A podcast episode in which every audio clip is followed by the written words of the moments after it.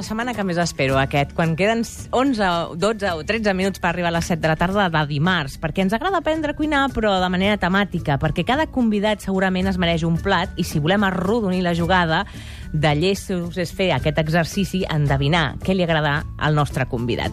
Vostè, Rai, que treballa per vostè mateix, Sí, senyor jo Torà. sóc, jo sóc el meu propi jefe. No ha d'impressionar cap cap, però avui cuinem pel nostre cap. Per a qui més volem demanar un ascens gastronomia aplicada de la bona gràcies al nostre chef, que és propietari del restaurant Compartida Cadaqués, col·laborador de Bulli Foundation, Oriol Castro. Què tal? Bona, Bona tarda, molt bona tarda.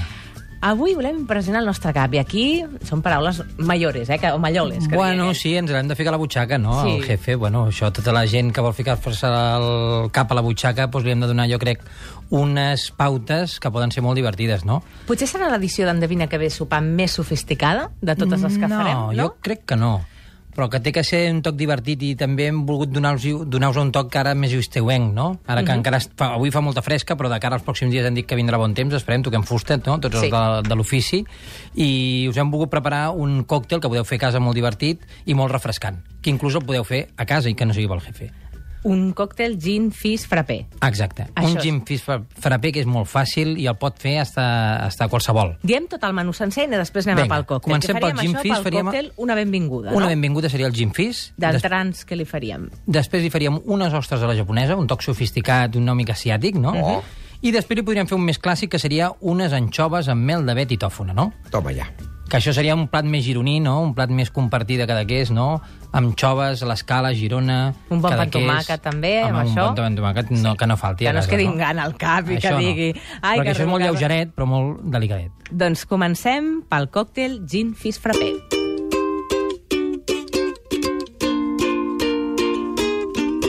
D'entrada sembla com complicat perquè el nom és com elaborat, no? I si li dius, hola, benvinguda, senyor cap, a casa meva, la dona que a vegades no el coneix, el cap del teu marit, és com ben bé que...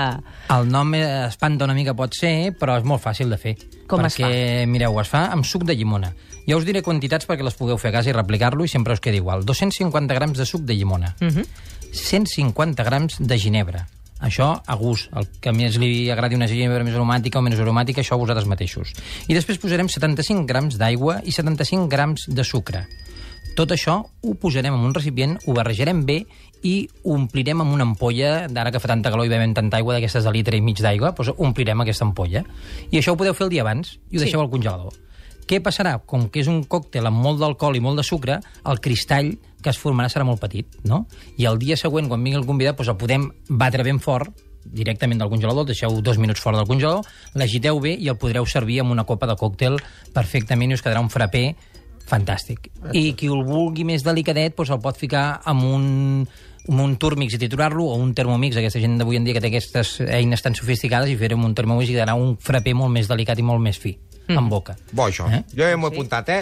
Aquest el pots fer tu, Toni, eh, perfectament. Aquest me'l faré jo tranquil·lament. Inclús en el taxi pots portar una garrafeta i anar-li fotent aquí com, el traguet, no? Com m'enganxi, com m'enganxi Eh? l'Arbara ja veuràs tu. Bueno, el- això no t'he dit res, jo, això no t'he dit res, eh? Estava pensant que a més és una molt bona estratègia perquè si d'entrada al teu cap li poses un còctel, aquí ja es llimen una mica d'esprós i ja tot flueix molt millor. Ah, exacte, per això ho hem fet, no? Estratègia. Si el voleu fer una miqueta més sofisticat, en vez de suc de llimona, ho podeu fer amb fruita de la passió. Vale? La fruita de la passió, que és molt més aromàtica, és més groguenca per dintre quan ho feu, i ho, la precaució serà que el coleu molt bé, perquè no tingui aquestes llavors negres que té la fruita de la passió. Eh? I també doncs, pot sorprendre més, no?, per Sí, sofisticació. home, jo, goita, si, hi- si, si es fica ell i la, i la seva mestressa es fiquen allò tontorrones, goita, els direixes l'habitació i ben contents que marxen després, si I, vols. I també una altra cosa que podríem fer, Toni, és pels més, més, més, més cocinilles que diem avui en dia, no? que tinguin un sifon a casa, el que podríem fer és de, 305, de 350 grams d'aquesta base que hem fet de còctel, Sí. li posaríem 150 grams de clara d'ou. Ah, Eh? I tot això ho barrejaríem, ho colaríem i ho posaríem dintre d'un sifon. I això ho calentaríem al bany maria, amb molt de cuidado, molt a poc a poc, i anar remenant-ho, sí? i de tal manera que podríem tindre una espuma calenta, que podríem fer aquest gin fizz frappé Ah, val. a la copa de còctel i a sobre podríem acabar amb aquesta espuma calenta i beuries i tindries el fred calent. molt bé. Això és un còctel que fem al bulli, que fem al Collonut. restaurant. Això és Collonut. boníssim, la és veritat. boníssim. La veritat que tindríeu dues temperatures i ara amb, el, amb la calor que entra la calor és brutal. Això sí que és una benvinguda de dalt a baix. Aquí l'ascens està assegurat. Aquí ja el fiquem a la butxaca. Directament. I si anem cap als entrants, una vegada ja hem estuvat el personal, ostres, a la japonesa? Bueno, en aquest cas hem fet les ostres a la japonesa, vale? Eh, primer de tot podríem fer ostra o ostró. En aquest cas nosaltres fem servir ostró. Aquí a Catalunya tenim l'ostró del Delta, que també és molt bo. I el que farem serà preparar una vinagreta, no? una vinagreta japonesa, que es diu, bueno, una salsa que es diu ponzu, vale? que faríem, si voleu agafar el bolígraf i apuntar, uh -huh. ficaríem 100 grams de soja, 100 grams de suc de llima, 40 grams de sake i 30 grams de mirin, que és una, un, un preparat que et venen ja de vinagre d'arròs i sucre. Tot això ho barregeu bé i un cop hem obert aquesta ostra, li ficaríem aquesta barreja de, de, del ponzu, vale? i per acabar li posaríem unes algues eh, wakame, sí? Que aquí a Catalunya en tenim, que les podem comprar a molts Sí, llocs. sí, sí. Són, en aquest cas nosaltres les portem de Galícia, de Portamuños, i ho acabaríem amb unes ous de salmó, amb uns uets de salmó. Eh? Jo sempre les poso en el- l'arròs, perquè dona aquell gustet les algues Ah, exacte. wakame, eh? Jo faig la Un dia també podem explicar l'arròs de wakame, que és molt fàcil de fer, i amb una miqueta de wakame podeu fer un arròs fantàstic. Clar, perquè té aquell gust de l'alga, que és tant de peix, Ah, exacte. i li dona un gust boníssim. És fantàstic. Jo no l'he provat mai, ja la provaré, ja la provaré. Jo un dia el porto a casa a sopar. Va, vinga, doncs. Aquí, Toni, tindríem que explicar-vos ben bé com teniu que obrir les ostres, perquè no et veig molt d'obrir ostres, tu, eh? No, No? no, Mira, mira què porta. És que... Escolta, mira, se m'acaba d'ocórrer una idea molt bona, que és que podries portar al taxi, no?, unes ostretes, i anar obrint ostra entre, entre paradeta i paradeta de semàfor, no? També, home, també és el doble servei. Al final se'n fotran els No, no, gremis. poca broma, eh? Poca amb broma. el frappé aquest tindrà preparat amb una nevereta i goita i una ostreta. Que d'això. És veritat, Oriol, que el marí s'ha de menjar en mesos que tenen la R? És a dir, que juny, juliol i agost no, per allà de saviesa popular, En que al principi setembre... això és la saviesa popular i que és ben, ben, ben, ben bé veritat, no? Mhm. Que tenim que seguir aquestes tradicions, i és veritat. Ens esperaríem al setembre a convidar al cap, nova temporada. Ah, clar. I encara Hi ha algun tot motiu? Molt més rodó. Un motiu jo que sigui, perquè, jo que sé, perquè està en època de cria o... Ara no sé si dir-te si ben bé si era que estaven ovats o no, no t'ho Ah, acabaria de dir bé. Però una cosa que no hem dit és de les ostres, que m'he deixat de, deixat de dir-t'ho, que quan obris les ostres, Sí. sobretot les, trin, les treguis de la clova i les passis per aigua i gel i sal. Ah, I aigua, les gel i- netegis molt bé de l'aigueta i el fanguet primer que tenen. Perquè aquest fanguet és el que et pot donar a vegades indigestions. Ahà. Ah, que hi ha molta amigo. gent que diu, hòstia, m'he comido unes ostres i se m'han puesto, Sí. sí. puesto malo. Pues, important netejar aquestes ostres i aquest fanguet que quan obrim l'ostre i, Sí. i trenquem la closca, que no se'ns contamini d'aquest fang. I li passem una mica d'aigua I ja, ja està. puesto. I després torneu a ficar la closca i el ponzo. Perfecte. Eh? Posem pel cas que algun dels ingredients que ens deies de la vinagreta japonesa no els tenim a casa. Tenim una alternativa? Pues aquí l'alternativa més ràpida és fer una vinagreta clàssica, no?, amb una miqueta d'oli d'oliva, una miqueta de vinagre de jerez, una miqueta de xalota ben picadeta i fer una vinagreta clàssica per poder alinear aquesta ostra.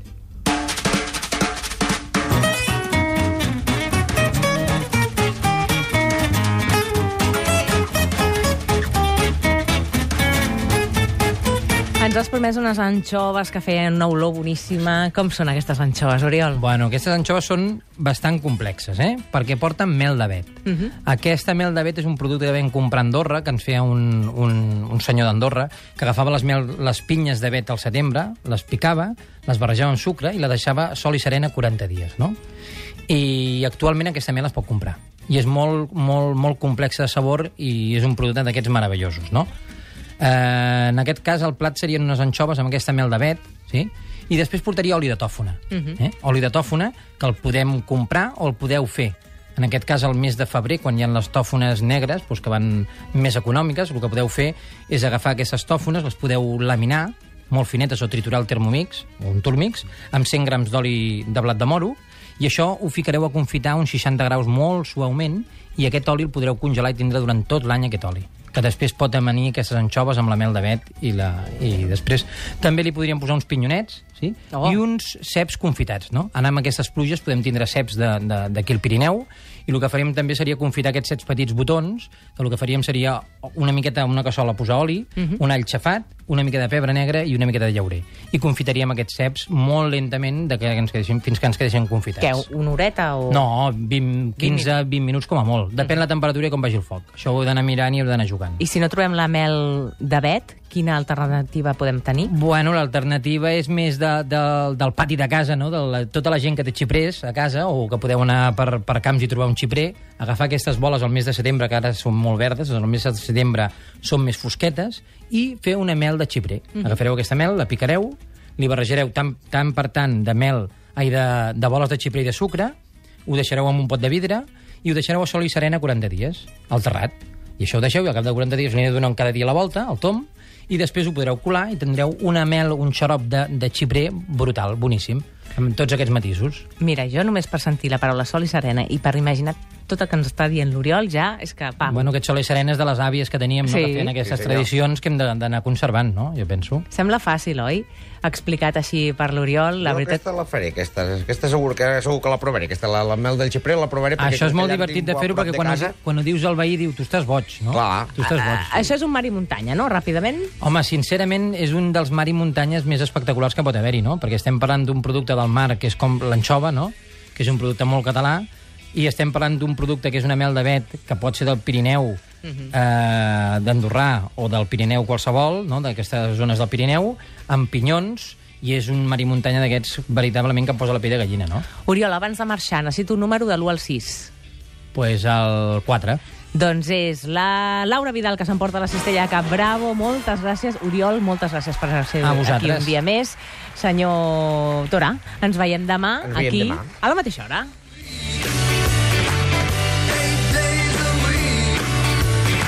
El 8 dies a la setmana, cada dia de 4 a 7, les tardes d'estiu. Un plaer.